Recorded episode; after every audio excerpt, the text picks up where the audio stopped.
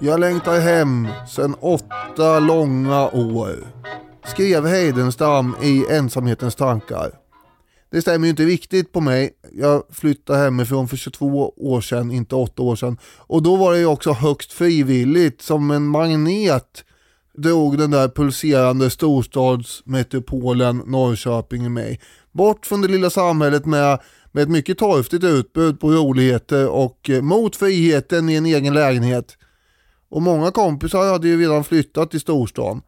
Och där bodde jag sen glatt i sju år. Det var först efter det som den här exilen i det karga och kalla Norrland började. Eller det kanske är att ta i lite för åren i Gävle var ju högst fantastiska på många sätt. Där formades ju jag som lärare och vuxen människa skulle jag vilja säga. Och någon gång efter några år där när jag var försjunken i ett mer än salongsberusat tillstånd och gick hemåt genom Gävle under sommarnatten, då tänkte jag att här kan jag nog stanna och bo för alltid. Men det kunde jag förstås inte göra. Heidenstam skriver vidare. I själva sömnen har jag längtan känt. Jag längtar hem, jag längtar vart jag går. Jag kanske inte har vaknat upp kallsvettig mitt i natten och längtat efter Östergötland och Ringarum.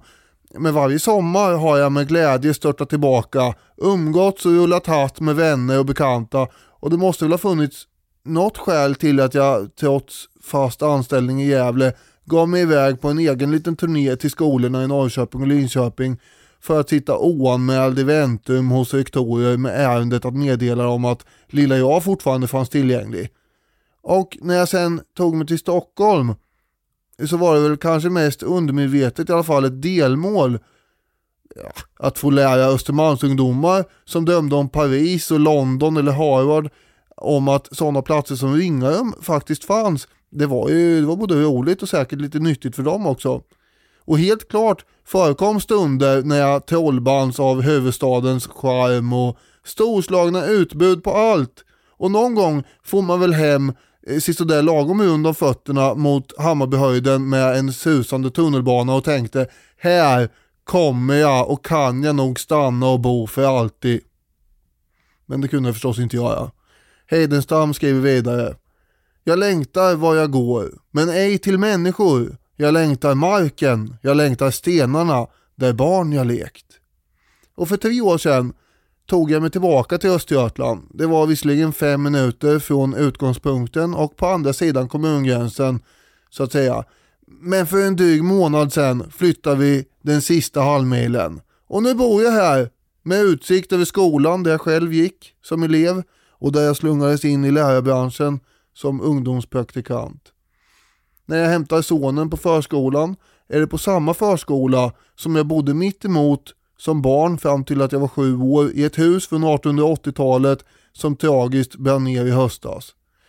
Och därifrån jag bor nu ser jag kyrkan där jag konfirmerar mig och jag har utsikt över gaveln på den laggård som arrenderades av en släkting där jag lekte på höskullar som barn och matade grisar och kor och fikade bland vitsipporna i ekbackshagarna.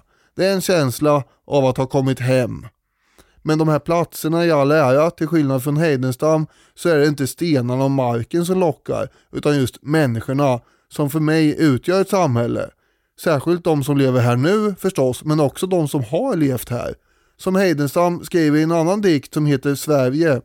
Där våra barn en gång får bo och våra fäder sova under kyrkohällen. Kiosken här på torget, som numera är tom, den är alltjämt känd som Kalle i kiosken, fast själva Kalle har varit död i mer än 20 år. Och i ett litet samhälle är de som inte lever liksom ändå kvar i det gemensamma medvetandet. Och båda författarna som vi kommer att prata om idag, Verner von Heidenstam och Ellen Key, de var förtjusta i de platser där de hade växt upp. Och de gjorde båda sitt bästa för att bygga hem som påminde om det. Både Övralid och Strand som ligger i Östergötland. Det är ju dit man längtar va? Det är ju där stenarna och marken finns, men framförallt människorna. Och håll i hatten, för nu ska vi dit!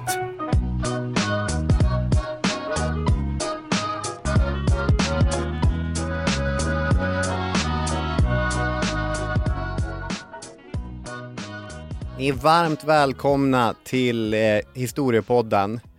Och eh, vad skönt att det kom den där vändningen i slutet med, med människorna. För det är den här von Heidenstamska idén att det är stenarna man längtar efter. Mm. Ja, den, Den, den känner jag att det finns ingenting mer verklighetsfrånvänt än det. Och det är ganska bra position att, att kommentera eftersom, eh, ja men som förra sommaren när jag besökte Arvidsjaur där jag växte upp och bodde tills jag var 18-19 år gammal. Jag, jag känner stenarna, jag hittar, jag skulle kunna sluta ögonen och ta mig från ena delen av samhället till andra utan att bli överkörd eller gå vilse. Men alla vänner som jag hade och nästan alla släktingar är döda eller bor i Umeå eller Skåne eller Göteborg eller Stockholm. Och då är det ju inte hemma längre. Då är det en sån här konstig kuliss som man kan innan och utan Mm och som har en längre historia, men det är inte hemma. Nej, alltså jag eh, tycker också det är lite uppseendeväckande att han skriver eh, inte människorna, utan det är stenarna. det är, Ja. Men det är naturvurm som vi nog kommer att komma in på här sen, som han så att säga står för här. Jo, exakt, och det kan man ju till viss del känna igen sig i också.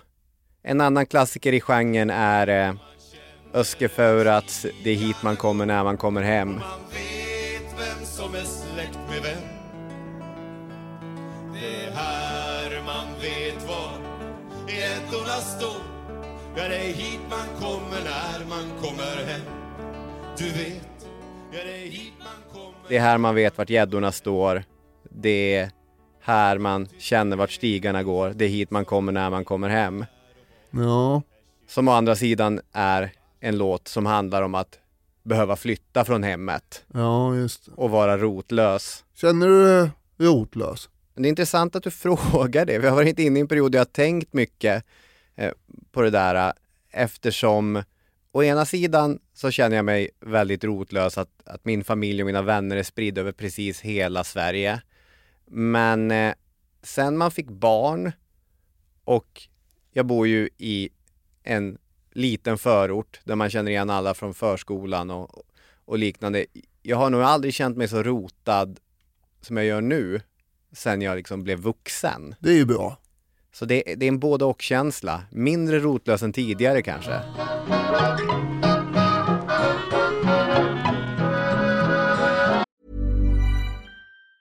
In the market for investment worthy bags, watches, and fine jewelry, Rebag is the answer.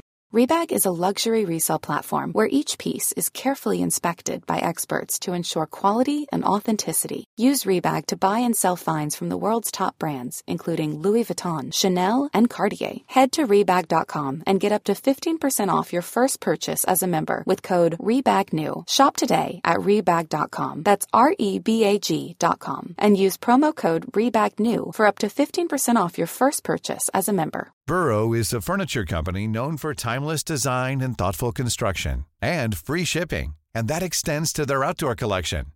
Their outdoor furniture is built to withstand the elements, featuring rust-proof stainless steel hardware, weather-ready teak, and quick-dry foam cushions. For Memorial Day, get 15% off your Burrow purchase at burrow.com slash ACAST and up to 25% off outdoor. That's up to 25% off outdoor furniture at burrow.com slash ACAST. A lot can happen in three years, like a chatbot may be your new best friend. But what won't change? Needing health insurance. United Healthcare Tri Term Medical Plans, underwritten by Golden Rule Insurance Company, offer flexible, budget friendly coverage that lasts nearly three years in some states. Learn more at uh1.com. Det här avsnittet, det handlar om två hus i Östergötland, som du säger. Eller ännu mer om de två människorna som byggde och ägde de husen, Verner von Heidenstam och Ellen Key. Och de är ju människor som i över hundra år fått se sina kändisskap avtava. Även om de arv som de lämnade efter sig påverkar ju fortfarande den svenska debatten, de är inte bortglömda.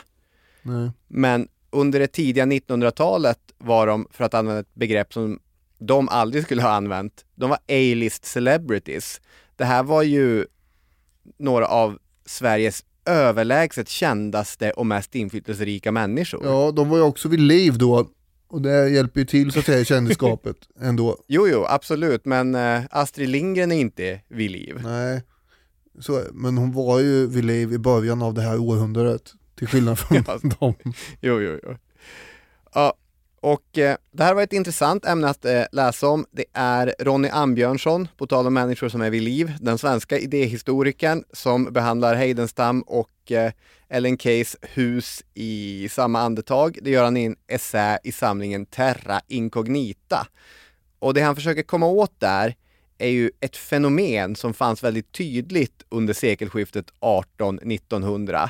Då var du en framgångsrik svensk konstnär eller diktare så var det väldigt vanligt att man skulle bygga någon slags fysisk manifestation över sitt arv. Ett hus, en ateljé, ett galleri.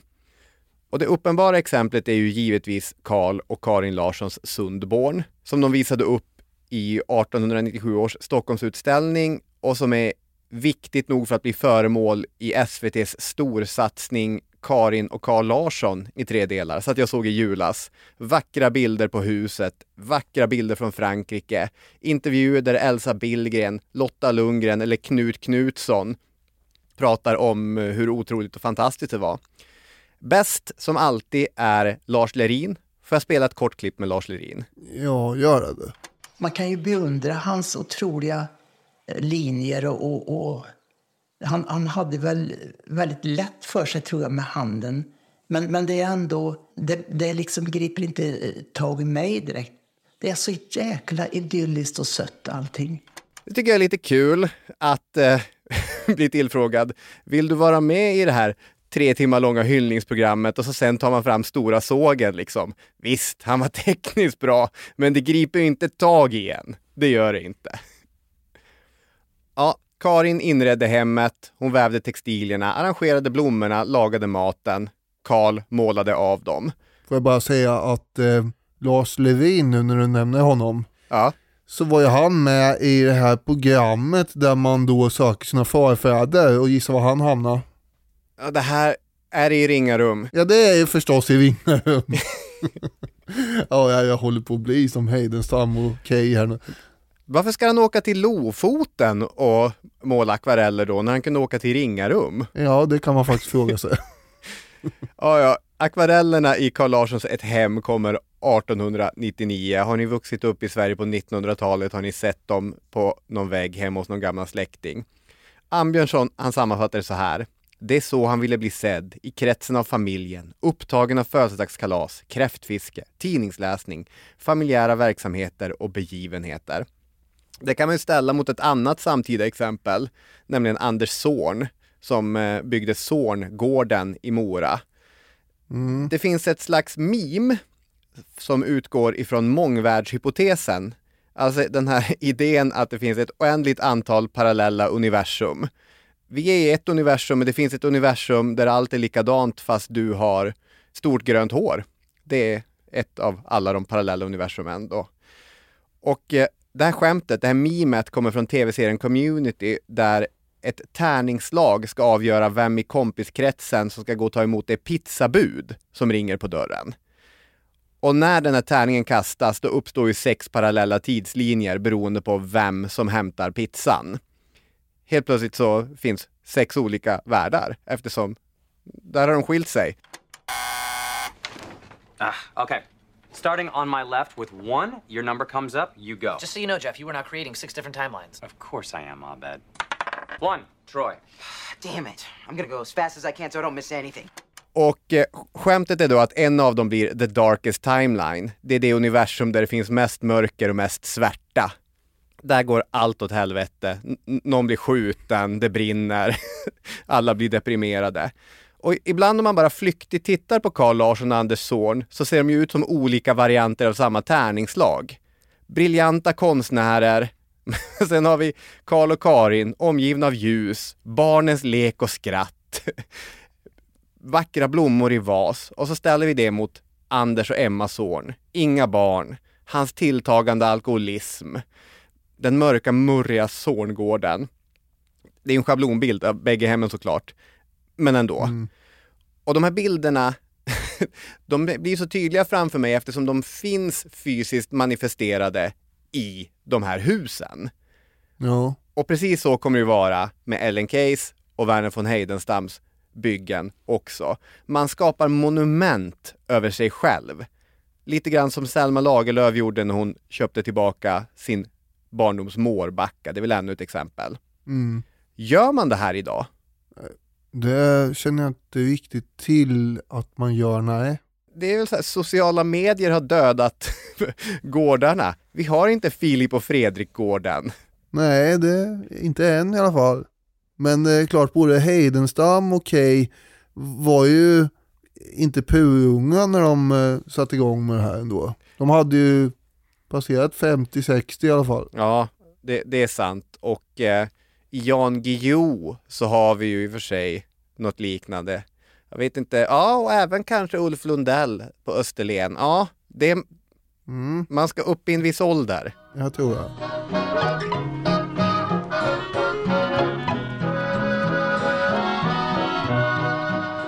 Ellen Key som föddes 1849. Hon är då en eh, svensk författare som runt årtiondena vid sekelskiftet 1900 skrev mycket om bland annat pedagogik och, och sådär. Mm. Och eh, mycket om eh, hemmet också. Det, det, Mm. det kretsar kring så att säga hemma. Och hon var ju kvinnosakskämpe men hade ju varit efter en ganska tydlig särartsfeministisk touch då. Det vill säga det fanns eh, vissa egenskaper som kvinnor var bättre på än män som omvårdnad och att sköta just ett hem då. Ja. Hon är radikal och konservativ i samma politiska åskådning och det är inte alltid helt vanligt. Nej. Hennes mamma var ju dock inte den typiska frun som låg på golvet och skubbade dem så att säga, utan hon var grevinna och hette Sofie Posse. Ellens pappa hette Emil Key och Mm. var jordbrukare och riksdagspolitiker i andra kammaren. Mm. Och så gick han med i eh, det lantmannaparti som höll på att formas där i slutet på 1800-talet. Mm. Och Ellen blev ju sekreterare åt honom i unga år och bodde då i Stockholm under vinterhalvåret eftersom han höll till där. Och eh, då fick hon väl på det sättet en eh, lite ovanlig inblick i det politiska livet också. Men oftast satt hon väl egentligen mest och bara längtade hem verkar det som. Och hem, det var herrgården Sundholm utanför Västervik. Och där bodde hon då periodvis tills eh, pappan Emil gjorde konkurs. Och det var alltså ganska länge där. Periodvis säger jag, för hon bodde på andra ställen med. Men eh, återkom nästan hela tiden då, åtminstone på somrarna. Från 12 års ålder till 40 års ålder hade hon samma rum på gaven av den här herrgården. Mm. Sen bodde hon som sagt på andra ställen också i till exempel Stockholm då. Och den här gården tvingades man då sälja och det var ett hot som hade hängt över familjen under många år egentligen. Just det. Ambjörnsson som du nämnde, han skriver så här angående det här. Därmed skulle inte bara gården utan hela den livsstil som den inbegrep försvinna. Blandningen av uteliv och inneliv, kroppsarbete och intellektuell samvaro. En dygnsrytm som bestämdes av årstider, väder och vind. Efter avslutat arbete samlades, minns Ellen Key, familjen för att, som det hette, kura skymning. Man pratade om dagen som varit, kommenterade någon händelse eller bara satt och såg eftermiddagen långsamt bli kväll. Senare på kvällen möttes man framför brasan och samtalen kunde då ofta avbrytas av högläsning. Ellen Keys första litterära upplevelse härrör från fyraårsåldern då hon hopkrupen under bordet lyssnade till Jane Eyre och Onkel Toms stuga som lästes högt. Mm. Daniel, jag hade en fråga på det, för jag har också förberett ett referat av, just den här delen. Mhm. Du eh, är hemma och så petar du in några vedklabbar i kaminen, tänder en brasa.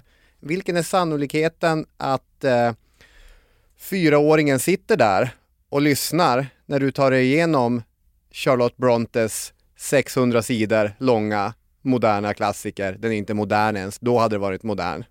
Ja, eh, det är väl vä- minimal eh, det är obefintlig ska jag säga, möjlighet att det skulle hända nu.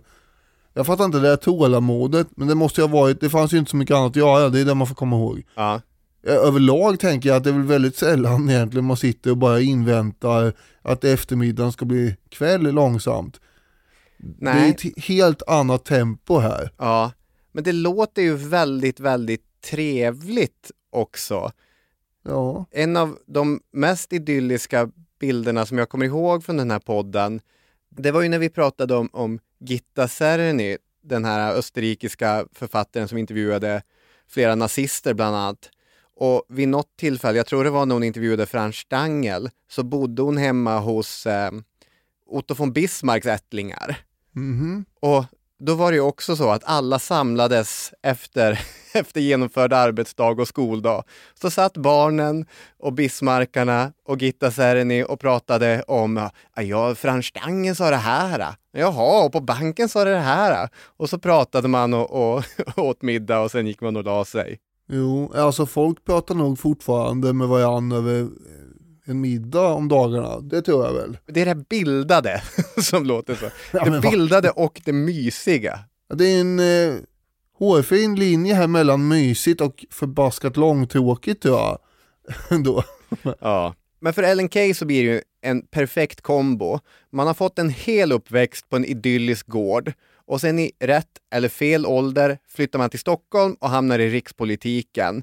Och så blir det som en personlighetsklyvning som kommer resultera i en livslång rotlöshet. Somrarna, ledigheterna i Småland, gavelrummet som väntar på en och som sen inte väntar på en. Mm. Det är ju en fantomsmärta hon bär med sig i livet. Ja, det är ju lite traumatiskt det här får man ju verkligen intrycket av. Hon saknar ju sina vitsippebackar Mm. och det kan man ju förstå om man säger så. Det är fint med vitsippebackar och björkhagar och allt vad det är.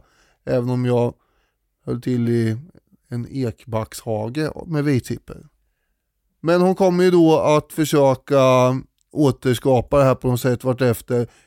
Hennes karriär under 1800-talet går ut på, till att börja med att hon undervisar på Anna Whitlocks skola och sen börjar hon ju då föreläsa på Arbetarinstitutet i Stockholm. Mm. Hon skriver politiska artiklar där hon argumenterar för åtta timmars arbetsdag och väcker uppmärksamhet genom att driva opinion helt enkelt. Mm. Och sen så börjar det gå bra för henne också. Så hon går ju hem i stugorna även utanför Sveriges gränser.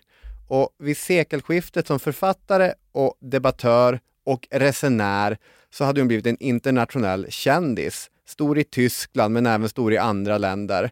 Och eh, allra mest berömd är ju då boken Barnens århundrade som hon skriver just år 1900. Nu kommer ett nytt århundrade. Det här kommer vara barnens århundrade.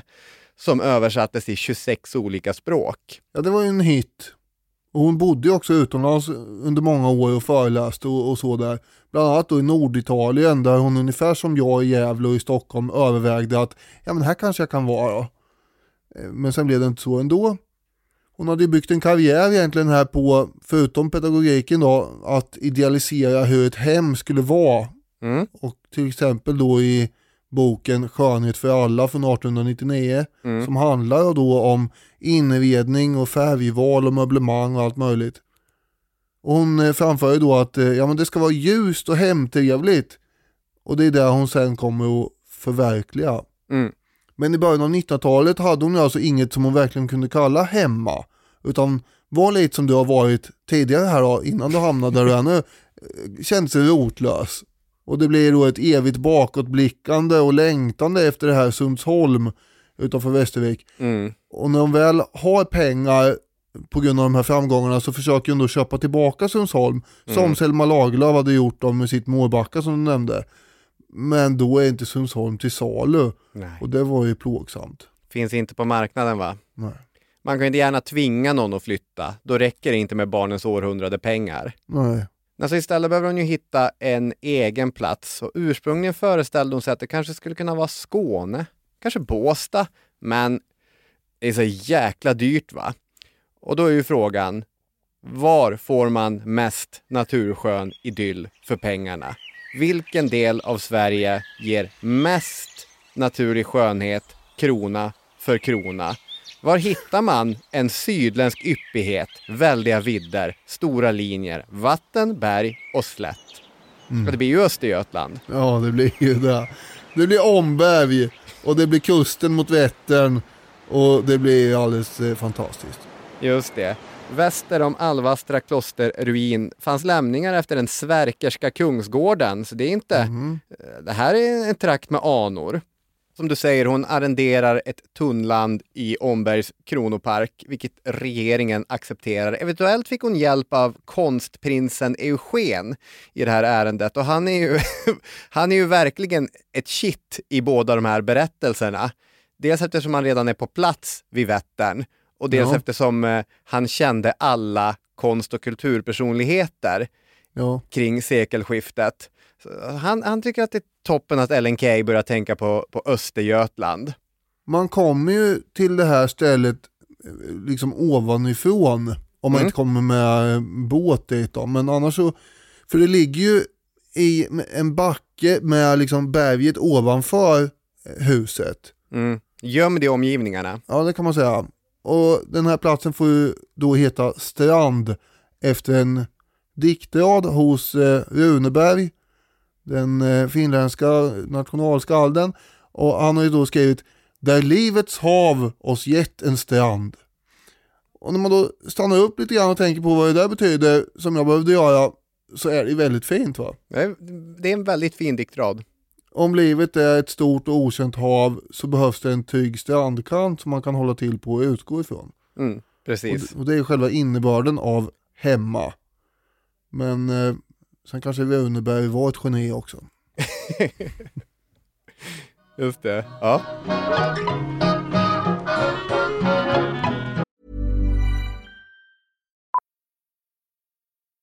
Millions of people have lost weight with personalized plans from Noom, like Evan, who can't stand salads and still lost 50 pounds. Salads, generally, for most people, are the easy button, right? For me, that wasn't an option. I never really was a salad guy. That's just not who I am. But Noom worked for me.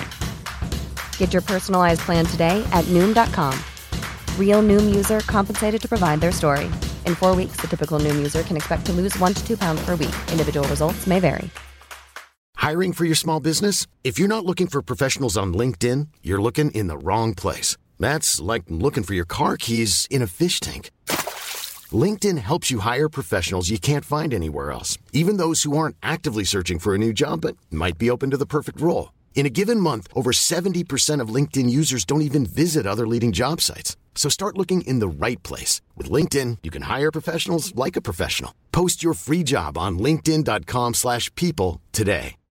Millions of people have lost weight with personalized plans from Noom, like Evan, who can't stand salads and still lost 50 pounds.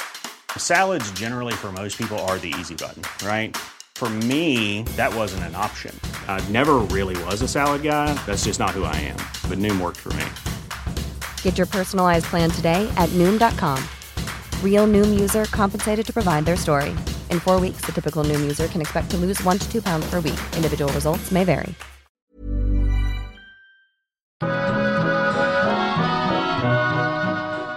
Det är ju från 1909 som eh, hon bestämmer sig för eh, att eh, det ska byggas ett hus på den här platsen då.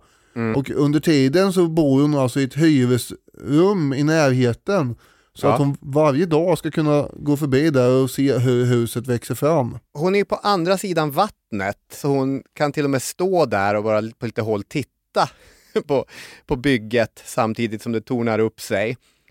Och det är ju hennes svåger, arkitekten Yngve Rasmussen, som har fått arbetet med att färdigställa huset. Och eh, Rasmussen själv menade ju att han aldrig hade jobbat med en bättre uppdragsgivare eftersom Ellen Key i minsta detalj visste hon ville ha det. Det, det tror inte Ann Björnsson på. Han tror inte alls att hon var så enkel att jobba med. Och Nej en, en väldigt viljestark uppdragsgivare som i minsta detalj vet hur man vill ha det. Det är inte alltid en framgångsfaktor för en byggherre eller en arkitekt att samarbeta med. Nej, problemet med någon som vet exakt hur hon vill ha det är ju att eh, då vet hon exakt hur det ska vara och då får man inte, det går inte att kompromissa med det. Hon har ju då skrivit i en anteckningsbok på 100 sidor som också har en titel som heter i flera år samlade praktiska ting från stuga och trädgård. Mm. Och där har hon då under alla år som hon inte har bestämt att hon ska ha strand samlat detaljer för hur hennes drömhem ska se ut. Mm. Och boken är alltså full av massa uppgifter där och vilka slags blomkrukor det ska vara, eh, vilka växter det är till trädgården som man behöver ha och var man kan köpa dem och hämta dem, vilka färger som det ska vara och, och hur man ska göra med allting. Till och med att man ska inköpa en hund till det här stället. Ja. Och det är allt möjligt liksom. Men det är ju det som är intressant med Strand, att det är ju verkligen som ett manifest också. Det är en stor enplansvilla i tidsenlig jugendstil och i mångt och mycket kan man ju läsa det som en replik på det här instängda borgerliga 1800-talet som präglat samhället och som väl i själva verket skulle prägla det i några år till. Och Ellen Key hon avskydde ju det mörka och det murriga. De Mm. tunga sammetsdraperierna, de stormönstrade tapeterna, allt det där avskydde hon. Och hon menade ju, som för övrigt Charlotte Perkins Gilman gjorde i den eh, gula tapeten, att människor blir psykiskt sjuka av det här livet. Väggar ska vara enfärgade. Är det inte så att du kan köpa enfärgade tapeter, då är det bättre att du tapeterar med liksom mönstret vänt inåt och har baksidan på tapeten vänt utåt. Det här är ju eh, lite elakt att man skulle bli sjuk av. Eh, nyrenässans heter den här stilen som var från 1880-talet och framåt eh, sekelskiftet. Och det är ju fullt i och för sig med då prydnadssaker och stora tunga möbler. Jag tänker ett sånt här grosshandlarskrivbord, kanske mahogny, det är mycket brunt va? Ja. Och de här stora mattorna och kristallkronor. Det är ju också lite fint tycker jag. Men det här är ju din stil. ja, det är väl det. Ellen Keys manifest är ju mot Daniel Hermanssons estetik. Ja. Nej, fan. Ja. Jo, det fattar jag att det är, för det, men jag är väl inte så himla, jag tycker bara att det är fint med det där nyrenässansen, men det är inte så att jag är emot eh, det här som hon står för, tunna lätta gardiner och gula Nej. väggar. För hon förverkligar ju, kan man säga, Carl Larsson, i och för sig var väl sumbon också verklighet, men det som Carl Larsson målar är hon helt och hållet inne på att göra, hon är på samma linje så att säga. Exakt, det, så är det ju. Carl och Karin Larsson och Ellen Key är ju ute i samma ärende ungefär Mm. samtidigt. Hon var ju väldigt inspirerad av Goethe, på tal om, eh, du frågade om Runeberg är ett geni. Eh, Goethe, han är ett geni, men han är ett universalgeni. För han hade ju också en färglära, då han eh, ställde upp de kulörta färgerna gult, orange, rött, violett, blått och grönt som han kallade grundfärger. Och så menade han att två rena färgtoner ställda bredvid varandra ökar intensiteten och eh, det, det, blir, det blir massa bra härliga effekter av det. Och, inte mönster utan enfärgat så att eh, Mm.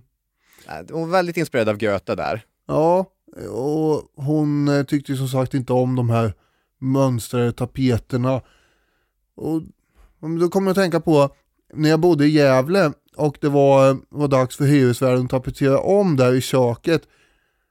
Då är det ju så att det här har ju sällan varit min avdelning egentligen och särskilt kanske inte på den här tiden. Så jag, jag tänkte att det, nu ska man välja någon tapet här, det har jag aldrig gjort förut. Det är ju fint med stora tjusiga medaljonger.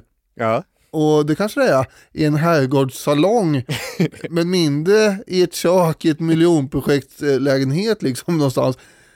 Så att eh, det där var- det kanske inte blev skitsnyggt. Det var en kompis som är målare som kan lite om sånt där som sa att jag hade valt tapeter som påminde om dödens väntrum.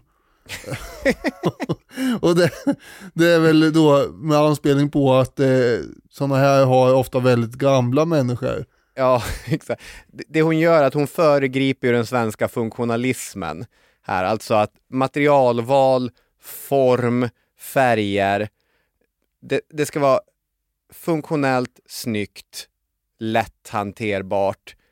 Saker som är pynt bara för pyntets skull och materialimitationer, allt sånt avskydde hon. Korgmöbler och trasmattor.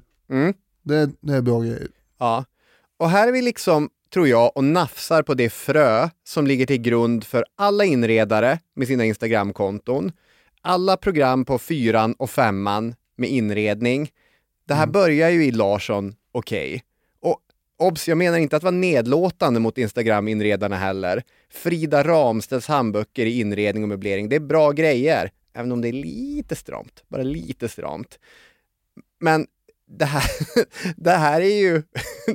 här har vi det! Fröet till det svenska inredningsundret.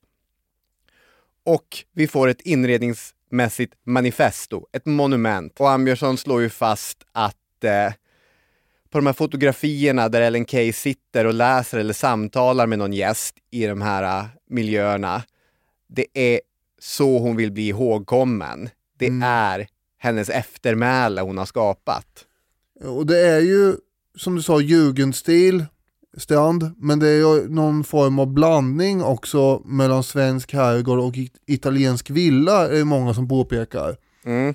Sådana här villor som eh, man har på, eller hade i alla fall på den italienska landsbygden som hon hade sett när hon bodde där.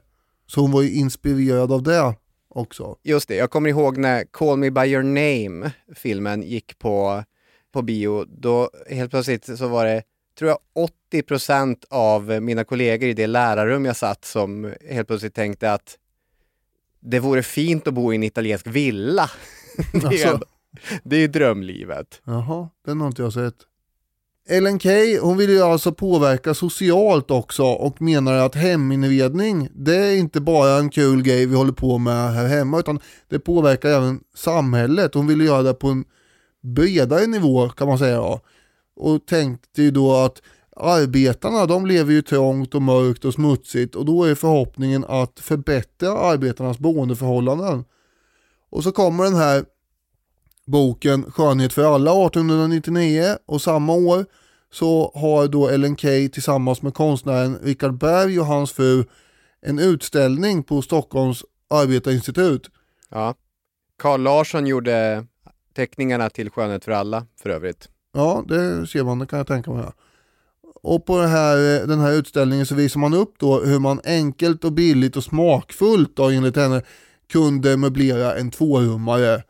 Och så här borde arbetarna bo nu, tyckte hon. Och det var ju goda avsikter bakom det här, men arbetarna hade ju lite annat att tänka på 1899 än hur man kanske inredde enligt eh, hennes uppfattning. Och eh, däremot så började då mer rika familjer från Djursholm och Saltsjöbaden anamma det här under början på 1900-talet. Det kanske inte var den målgrupp hon hade tänkt sig nödvändigtvis, men så blev det. Ja. Och, och eh, först några årtionden senare kommer hon att nå de här arbetarna.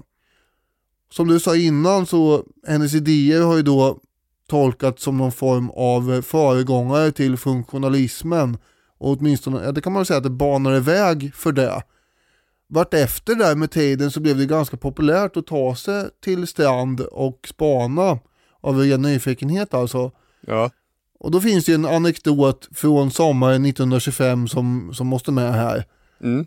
Då ett gäng flickor från Småland smyger omkring utanför och den gamla Ellen Kay går ut på balkongen och så säger hon baskt Vad vill flickorna? Och då svarar de att de ville bara få se det här berömda författarhemmet. Det ville ju inte Kay gå med på. Hon var trött på folk som sprang runt där.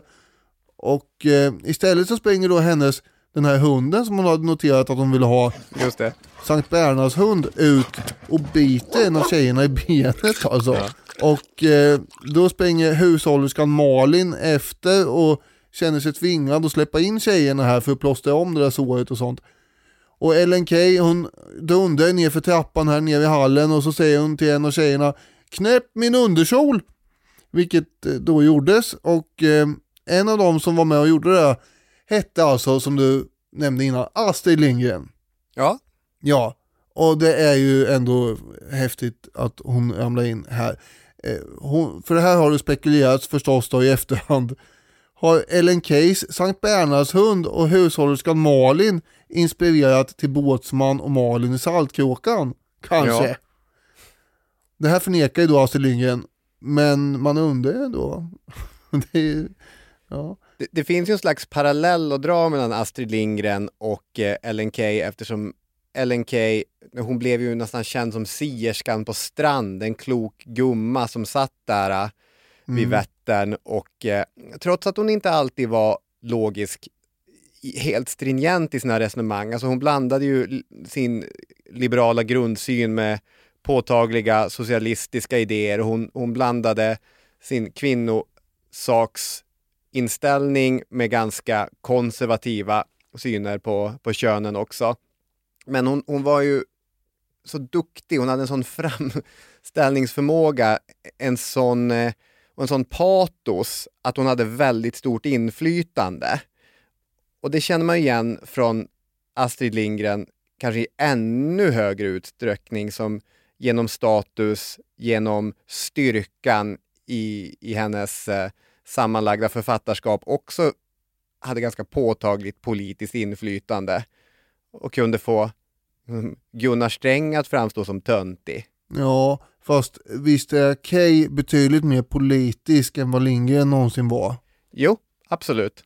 Men apropå eh, de här två igen då och det där mötet i hallen så har ju däremot Astrid Lindgren medgett då att citatet ”Denna dagen ett liv” som kommer från 1700-talspoeten Torild och som Ellen Key hade på en tavla i hallen, att det hade inspirerat henne när hon såg den, Denna dagen ett liv. Och det är ju det hon låter sin karaktär Farbror Melker hitta i en tidning som sitter och läser. Just det.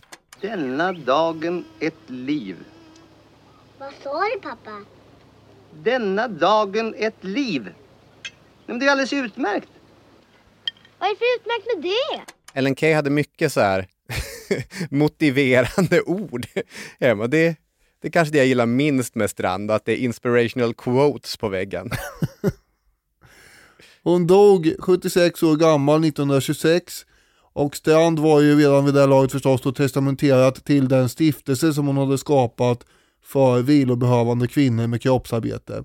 Mm. Det går ju faktiskt fortfarande att söka stipendier och bo där under några veckor på sommaren. Nej just det, och du behöver inte vara kroppsarbetande kvinna längre heller.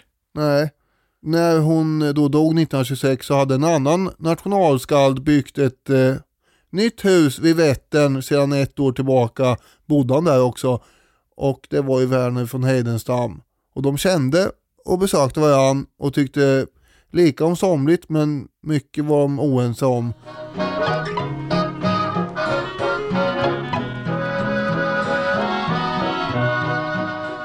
Werner von Heidenstam talade vi senast ingående i podden om när vi gjorde avsnittet om Strindbergsfejden.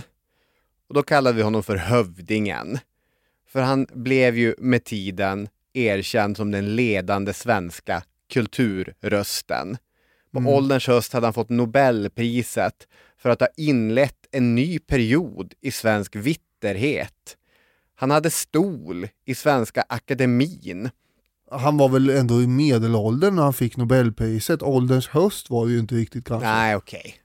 Fast i och för sig så menar ju Ambjörnsson också att framgången eh, verkade liksom åldra eh, Heidenstam också sätta sig i ryggen. Han blir stel, låter sig fotas i profil där den majestätiska näsan syns. Ambjörnsson skriver, det är som att han till en början motvilligt, men efterhand allt mer följsamt påtog sig den roll som etablissemanget utsett åt honom. Ja, jag tror han var, han var väl åtminstone runt 55 års ålder när han fick det, så kanske det var hans storhetstid var över vid det laget. Ja, och eh, vad Ambjörnsson menar med att han blev stel i ryggen är ju att den här mannen, Heidenstam, som trots allt hade gjort sig ett rykte som rösträttsförkämpe, med tiden mer och mer framstod som, som enkom konservativ. I, I, boken Guide till Sveriges historia av herrarna Hadenius, Nilsson och Oselius poängterar de hur Heidenstam i sin beskrivning av Karl XII inledningsvis var rätt kritisk till kungen, förhöll sig ja, men förhöll sig kritisk till Karl XIIs projekt för att i slutet helt landa i den fosterlandsvänliga berättelsen, vilket är motsatt riktning för hur gestaltningen av kungen brukar se ut.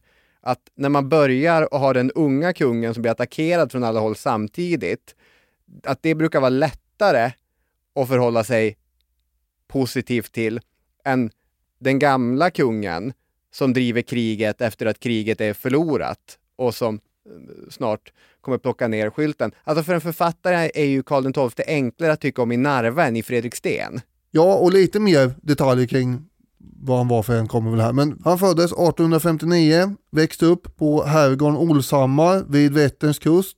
Mm. I eh, eh, den norra kanten av sjön då som tillhör Närke. Och som du var inne på, han blir ju en eh, hövding eller något gigant i, sa- ja, i kultursverige i alla fall. Och Andreas Nyblom har en poäng tycker jag när han skriver i populärhistoria att han påminner om Ranelid. Ja, okej. Ja men det är ju, båda är ju färgstarka karaktärer men lite mindre lästa än vad de är färgstarka. Mm. Han, eh, det här är Nyblom som, som gör det här, det är Ja. skönt att ha någon att knuffa framför sig här.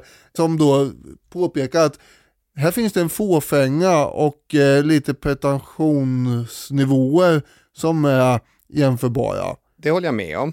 Och det här var ju, alltså han var ju fåfäng och pretentiös Heidenstam. Han tog ju på sig alltså en självpåtagen roll som nationalskald och det här tog han på stort allvar.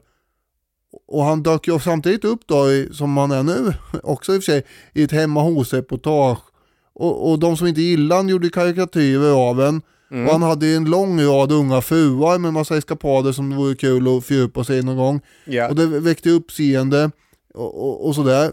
Han var ju väldigt populär och känd. Och som du sa, hans profil med örnäsan och de här stora mustascherna, det var ju sånt som han satte på vykort och reklam för alkohol och sällskapsspel och sånt där. Och namnet Werner har ju varken före eller senare varit så populärt att sätta på små gossar. Nej. Jag tänker att där det lite grann haltar den jämförelsen är ju att eh, Med Ranelid. Exakt, är ju att eh, Björn Ranelid, även om han har fått priser och varit upphåsad och så, han har ju aldrig lyfts fram som ledare för en någon sorts eh, kulturyttring. Nej, nej kanske inte.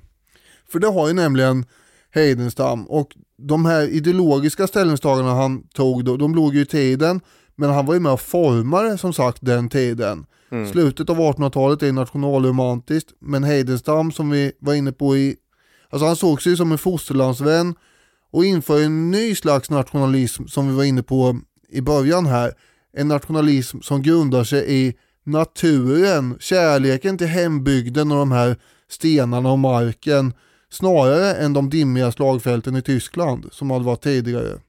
1895 i dikten Hemlandet eh, finns att läsa en, några rader som utgår från en förnimmelse av barndomshemmet.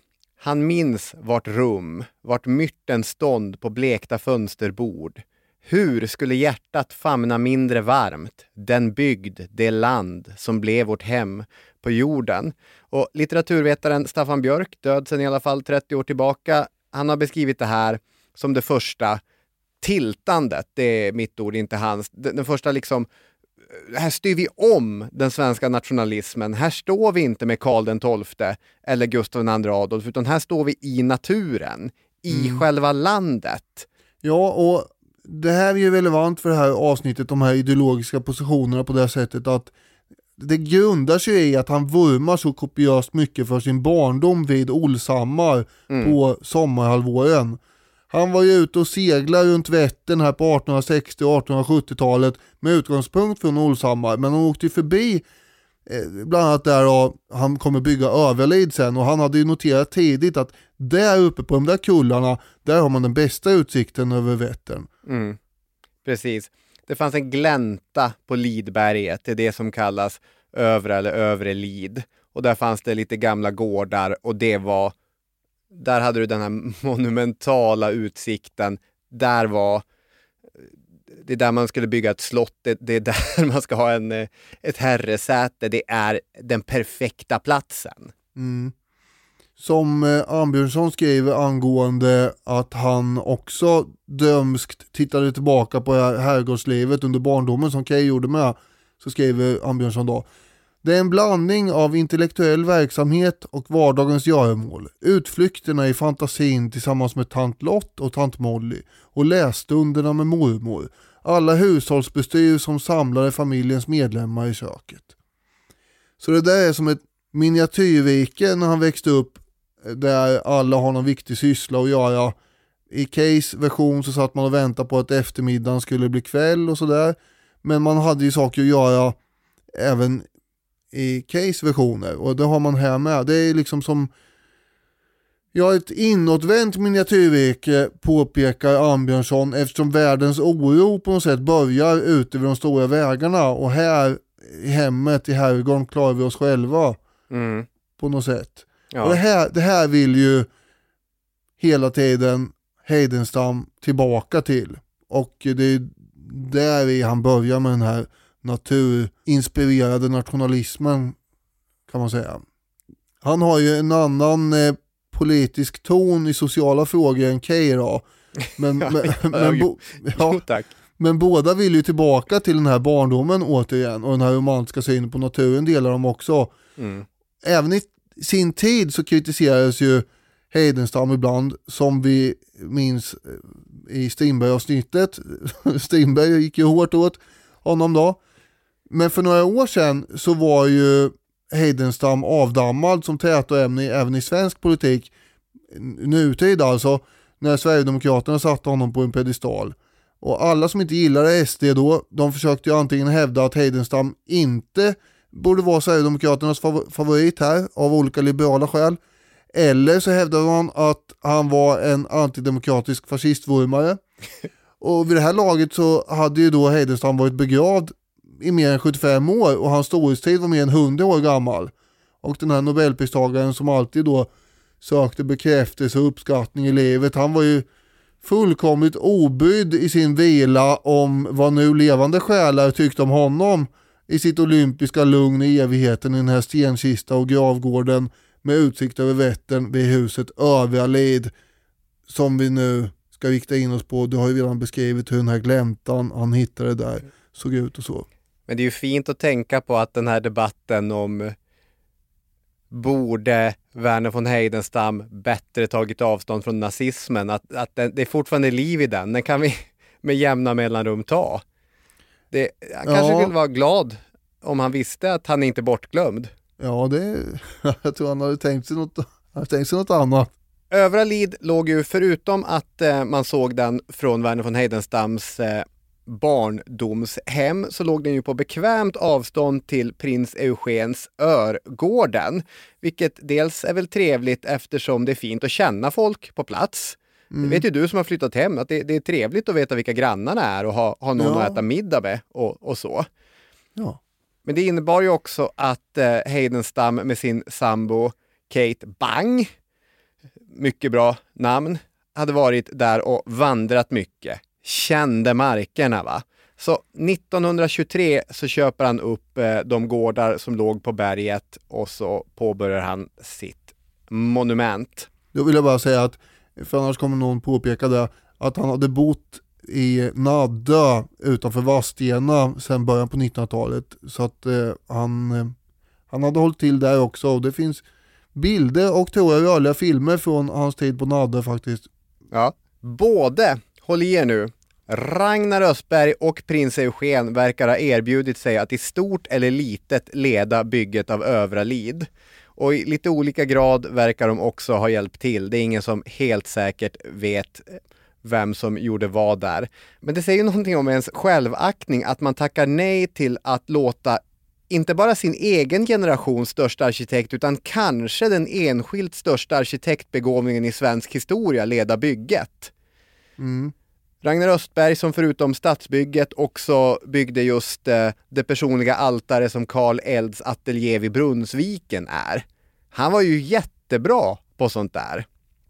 Nu börjar jag direkt få lite kalla fötter att jag kallade Ragnar Östberg den största vi haft.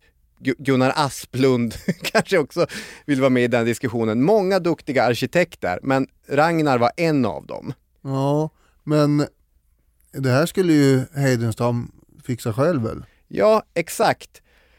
Han vill styra bygget själv, men eh, till skillnad från Ellen Key som då via andra sidan viken och via sina promenader med egna ögon följde bygget så är ju Verner von Heidenstam mer som någon som följer det brittiska kungahuset via paparazzi-fotograferna. Att Ja. eh, Ja, det kan säga. det är de smulorna han får till sig när, när han är ute och reser som han tar till sig. Ja, bland annat så får han ju syn på en bild i tidningen på bygget. Just det, det är kul. Han skriver till sin advokat. I ett idag mottaget exemplar av Dagens Nyheter från den 13.11 förekommer ett fotografi av huset på Övralid. Det ser där ut som om taket ej skulle ha sina avtalade 6 meter i höjd och som ytterväggens höjd mellan övre våningens övre fönsterkant och hustaket ej skulle stanna vid av mig bestämda 75 centimeter utan uppgå till det nästan dubbla. Jag vill och kan ej tro att det förhåller sig så, ty därmed skulle husets proportioner fullständigt vara ödelagda. Men det ser hotande ut. Sorgligt vore det om hela taket skulle behöva plockas ned. Så här har han sett ett litet grynigt fotografi i DN och helt plötsligt är undergångstankarna väldigt nära. Ja, ja det där, det, men eh, de behövde ju inte riva av hela taket va? Nej, exakt. För ska man ge honom en välförtjänt klapp på axeln så lyckas han ju väl som byggherre. Egentligen alla kännare beskriver ju gården Övralid som sammanhållen, smakfull, en lyckad pastisch på en karolinsk herrgård. Välkomnande och stram på en och samma gång. Ja, eh, alltså det skrivs ju då i den här Guide till Sveriges historia att eh, det i och för sig också för tankarna till en stor vit sarkofag eftersom det är så få fönster. Just det. Och visst är det säkert stramt och tjusigt och sådär men eh, det är också som eh, Arnbjörnsson skriver ganska anarkistiskt ordnat på baksidan. Där finns det inga fönster alls på ena sidan och sen det fönster på andra sidan. Och, och där är det ju inte alls ordning och reda då. Nej. Men eh, det är i och för sig på framsidan, det är ju där man ser. Och eh, både utvändigt och invändigt så beskrivs ju som sagt huset som stramt. Andersson verkar ju tycka att det här är inte något bekvämt hem, enligt hans uppfattning i alla fall. Hedenstam hade ju pengar som han hade ärvt och fått eh, i Nobelpris och eh, sålt en annan bok kanske också och lite annat. Så han kunde ju kosta på pengar på lösöret egentligen och ändå Ja. är det ganska sparsamt. Ja, så är det. Det finns ju en bystversion av Carl Milles Folk i fil- filbyte Mm. som står i Linköping fullskalig. Eh, Men en sån byst har han ju i hallen som tronar. Men den kanske han har fått av Carl Milles. Ja, men eh, den tyckte han i alla fall nog mycket om för att ställa fram. Han skrev ju också böcker om Folkungaätten. Mm. Ja, alltså det är ju från hans bok Folk i filbyte som eh, Carl Milles inspirerade att göra den här statyn. Som Exakt. står i Linköping. När vi pratade om eh, Folke Filbyter och eh, Folkungaätten då så var det ju flera lyssnare som hörde av sig och tyckte att jag borde bara acceptera att eh, han kastrerade föl. En lyssnare skrev så här. Ni vet att söndertuggning av testiklar var ett äldre sätt att kastrera handjur va? Det vill säga inte hittepå. Praktiserades inom rennäringen med mera förr. På vilket du, Daniel, svarade. Jag vill trots allt flagga för att jag inte varit lika skeptisk som Robin. Han har gjort ett stort humornummer av osannolikheten i det hela. Efter den här upplysningen skulle jag höja sannolikheten att Folke ägnade sig åt den här sysselsättningen till 80 procent. Det, det är dock fortfarande 40 procents chans att han var en verklig person, vilket påverkar saken en smula. Ja, det här var jag inte beredd på att det skulle dyka upp. Nej, men jag gjorde anteckningar på det här eftersom det ger oss möjligheten att räkna på sannolikhet då. Om det är fyra på tio att han fanns, gånger åtta på tio att han i så fall kastrerade hästar med tänderna, då är det 32 på 100. 32 procents sannolikhet att Folke Filbyter fanns och kastrerade hästar med tänderna. Och visst, jag kan åka dit på det. Eventuellt är min matte felaktig, det skulle inte vara första gången, men sannolikhetslärare är enda bra betyget jag någonsin har fått i matte. Nu är de här eh, sannolikhetsnivåerna höftade om mig då. Jag har inte rubbats i min övertygelse om osannolikheten i Folke Filbyters hästkastrerande. Det är allt jag vill säga. Ja, vi ser fram nu mot nästa våg av mejl angående den här soppan. Han har ju en till prydnad i hemmet och det är att han i sovrummet lät hänga prins Eugens tavla Örberga. Och eh, prinsens tavlor från gården Örberga är väldigt vackra. Det är impressionistiska övningar av eh, sädesfält och molnformationer. De är väldigt, väldigt östgötska. Och eh, tänker mig att de skulle kunna passa bra hemma hos dig Daniel. Skördetid i Örberga gick för 90 000 kronor på Bukowskis. Det tycker jag är något av ett fynd. Mm. Kanske något som skulle göra villalivet i Ringarum komplett. Ja, jag vet inte. Jag avvaktar med att spekulera i konst. Ja. Jag tror att eh, den ligger snäppet ändå ovanför min prisklass kanske. Och eh, jag eh, vet inte hur jag ska få plats med den heller eftersom jag har en massa kungatavlor som hänger överallt. Ja, det vore ju ändå tråkigt om man skulle få ett, ett original av prins Eugen, att man inte, inte plockar ner ett, ett, ett tryckt kungaporträtt för att rymma. Någon av alla det. Oscar II tavlor kanske får ge plats. Då. Jag har ju själv bara åkt förbi utanför Överli tyvärr. Man kan ju faktiskt besöka det också, det kanske man borde ha gjort här nu. Men på hemsidan så ser ju biblioteket ganska pampigt ut också, det Mm. får man ju säga. Och det var ju där som den gamla Heidenstam gärna tog emot gäster till att börja med då. Och eh, han flyttade ju alltså in här 1925 som du sa med danskan Katie Bang som han inte gifte sig med för övrigt. Och huset blir ganska positivt omskrivet i tidningarna. Han trivs där bra själv med den här utsikten och allt. Men på 30-talet så börjar han ju liksom bli gammal på riktigt. Mm. Och kämpa i nästan 15 år med att skriva de här barndomsminnena från 1860-talet. Men det blir ju skrivkramp och det blir stroke och det blir ålderskrämpor som ställer till det. Mm. Och eh, i och för sig, han uppmärksammas ju på sin 75-årsdag och sen på sin 80-årsdag och hyllas och firas av kungligheter och ämbetsmän och förstås Svenska Akademin. Men hans sista år så skickas alltså Kate Bang iväg, hon är då 48 år, under mystiska omständigheter ifrån Överlid. Och troligen är väl det här kanske då på något sätt mer ett verk av Heidenstams vänner än han själv. Eh, för han verkar ha varit lite förvirrad då på den här tiden och eh, de, eh, de såg ju att han höll på att tackla av och ville väl inte att hon skulle bo kvar på Överlid ensam. För de, alltså planen var ju att det skulle bli ett museum av det här. Mm. Och då är ju om hon ska bo där så kommer det dröja länge innan det blir det. Och eh, på något sätt då så lyckas man eh, skala bort henne nästan som om hon vore en eh, egyptisk farao och så rensas ju alla spår efter henne på Överlid. Mm. Och sen kommer han då att begravas där. Han eh, dör den 20 maj 1940, samma dag förut som Auschwitz öppnar. Och eh, Ja. det finns, det är ju ändå intressant med vad som händer samma dag här. Och ungefär samtidigt, eller un, precis då den 20 maj så håller man ju på alltså att stänga in de allierade soldaterna också vid Dunkirk. Och så begravs han då den 27 maj på en utsedd plats framför huset som är mot Vättern då. Och det är scouter och det är Livregementets musikkår som paraderar och det är prinsar och bokförläggare som trängs här. Kungen har skickat en stor krans men han blir överträffad av Rudolf Hess från Nazityskland som har skickat Mm. en ännu större krans Mm. och sådär. Överlid kommer att bli en stiftelse då, där landshövdingen i Östergötland blir ordförande. Själva byggnaden blir ju som sagt ett museum och eh, den 6 juli som är Heidenstrands födelsedag varje år delas då Överlidpriset ut till någon kulturpersonlighet. Nämnde Ambjörnsson fick ju faktiskt det här 2006. Ja, välförtjänt. Kristina Lund fick det 2009.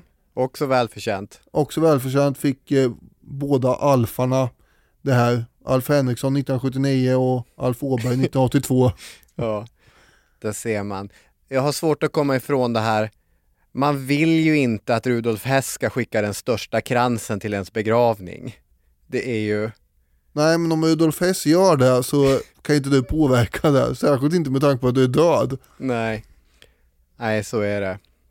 Det finns ju en vanlig spaning som görs vid de tillfällen när Strand och Övra Lid behandlas samtidigt, vilket faktiskt inte är helt ovanligt eftersom Ellen Key och Werner von Heidenstam är på något sätt spegelbilder av varandra fast också motsatser av varandra från, från samma tid. Och det handlar ju om där som du sa att Strand ligger nedsänkt medan övra Lid ligger monumentalt upphöjt. Som eh, Ambjörnsson skriver, det är lätt att tolka dessa skillnader så att Heidenstam vill dominera sin omgivning. Ellen Key smyga sig in i den. Men jag är inte säker på att det är en riktig tolkning. Både Heidenstam och Key var dominerande personer. De var personer som många såg upp till och de var medvetna om det. Och om man avslutningsvis ska föra samman de här då så kan man ju ta tag i den här idén om nationen som Werner von Heidenstam hade presenterat, den platsbundna nationalismen.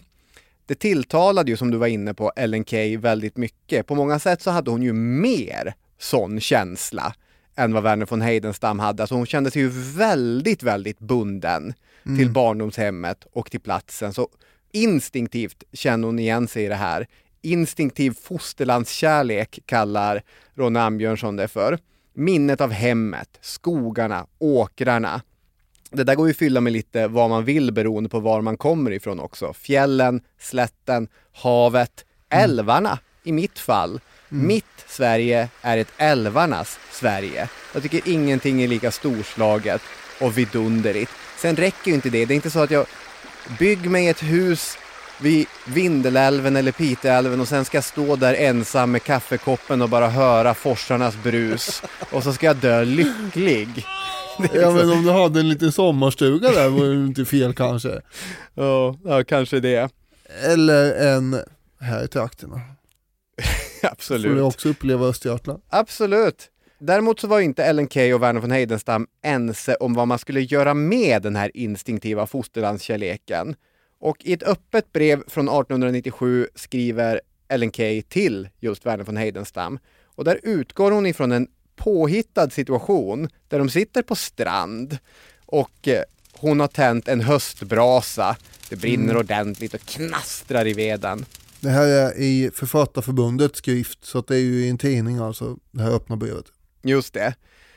Och hon säger att där flyter samtalet fritt och replikerna följer otvunget på varandra. Werner och Ellen blir osams och sams om vartannat medan brasan brinner ner. Det hon tycker är att han är för mycket von oben. Han blickar ner på folket.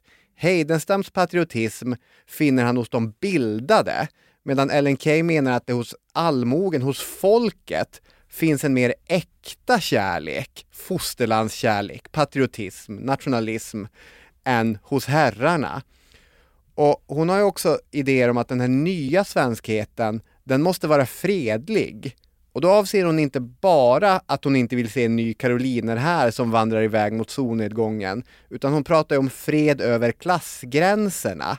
Och i det avseendet så är det ju det socialdemokratiska folkhemmet i mycket tidig upplaga som hon presenterar här. Ja. Det finns en, en kärlek till, till Sverige, men den är lika för alla. Vi, vi delar lika på det här. Ja, när Heidenstam föreslår att eh, det är de bildade klasserna som fosterlandet kan lita på, då tänker han förmodligen, som Andersson påpekar, på husbondefolket i hans eget barndomshem Olshammar. Mm. De som var så kloka och fördomsfria och sådär. Ja, Eh, Här precis. kan man inte gå på några proletärer inte. Ambjörnsson skriver också Ellen Keys ideala samhälle har mycket gemensamt med Heidenstams. Det är hemmets atmosfär som ska genomsyra helheten, värmen, omhändertagandet. Men det är inget herrskapshem hon ser fram emot, utan ett folkhem, inte olikt det Per Albin Hansson senare skulle tala om. Ellen Key är en av den svenska socialdemokratins idégivare. Mm. Och så är det ju verkligen. Heidenstam, han fattar pennan och replikerar. Och då skriver han att han vill inte se det medelmåttigas, det grundas och det stillaståendes röst som illustrativt för svenskheten. Och det är ju en konservativ världsbild som man ger uttryck för, precis som du sa, att eliten har ett ansvar som goda husbönder, kloka och ansvarsfulla. Men i det ingår det ju också att människor måste vara nöjda med sin lott. Av de här två konkurrerande bilderna som slår mot varandra skissas fram av Ellen Key och Heidenstam. Men han håller ju med henne om en sak. De har det mysigt. För är det något han har gått igång på så är det den här påhittade, den fiktiva varianten av att de sitter framför en brasa. Mm. Säger han att så givande har vårt samtal varit att han har inte märkt att brasan brunnit ned. Nej, så, mysigt hade de det i den Ja. här påhittade. Fast sen träffades de ju faktiskt ibland på riktigt också. Som, som sagt, inte bara i fiktionen. Grimberg, Vad säger Grimberg? vad säger Grimberg? Vad säger Grimmis? Han säger faktiskt inte så mycket eh, om Heidenstam som man skulle kunna tro. Jag har gått igenom allt som han skriver om Heidenstam och det mesta är faktiskt i eh, en bildtext. Oho. Och då skriver han så här. Som ingen annan svensk gjorde han sig till tolk för fosterländska känslor, ofta med yvigt, heroiskt överdåd. Under sin barndom vid Vättern stimulerades hans fantasi av gamla sägner om folkungar och den heliga Birgitta.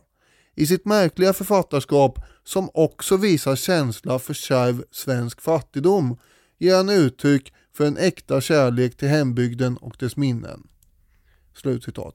Och det där är ju typiskt här eftersom eh, han är ju precis som Överlid lite dubbel. Det vill säga fasaden utåt är ju mycket elegant, eh, Karolins Karolinskt herrgård och allt det där. Men baksidan som Ambjörnsson påpekar är lite mer eh, eh, kors och tvärs och lite, och, ja, på ett annat sätt än framsidan. Och så är ju eh, Heidenstams liv också för det var ju mer i eh, ungdomen liksom före sekelskiftet då han har skrivit den här Medborgarsång där han, där han då är kritisk mot eh, penningsträcken, som, att de ska avgöra hur mycket röster man får i ett demokratiskt samhälle borde absolut inte vara så. Och det är en väldigt fin dikt för övrigt, Medborgarsång. Mm. Men där är han ju då mer, vad ska man säga, förstående mot eh, fattigdom och, och, och sådär än vad han är på senare år när han blir gammal och bor på det här Överlid. Mm.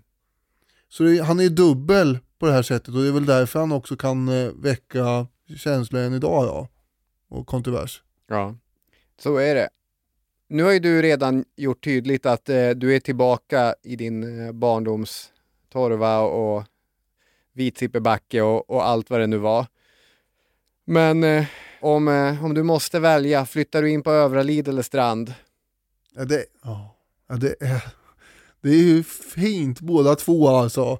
Ja. Men jag tror det blir Överlid ändå. Ja. Nej, jag väljer nog Strand. Jag tycker att det ser ljusare ut. Ja, Trevligt här- att vara så nära vattnet också. Det är fullständigt eh, väntade val från oss det här tror jag. Ja. Det här tycker jag har varit ett eh, puttigt och gemytligt avsnitt. Ja, det, jag tycker att det är jätteintressant och eh, sekelskiftet är en epok som kanske man borde prata mer om. Alltså inte bara i den här podden utan i, i allmänt tugg också. Mm. Men det blir en annan gång i så fall i den här podden. Mm. För eh, nu eh, tackar vi så mycket för att ni har lyssnat och så hörs vi nästa vecka, eller hur? Det gör vi. Hej då med er! Hej hej!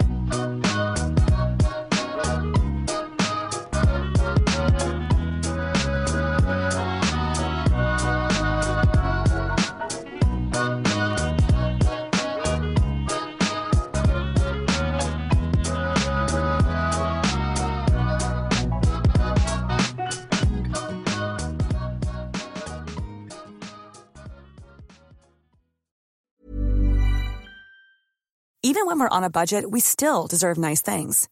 Quince is a place to scoop up stunning high-end goods for 50 to 80% less than similar brands. They have buttery soft cashmere sweaters starting at $50, luxurious Italian leather bags, and so much more. Plus, Quince only works with factories that use safe, ethical, and responsible manufacturing. Get the high-end goods you'll love without the high price tag with Quince. Go to quince.com slash style for free shipping and 365-day returns.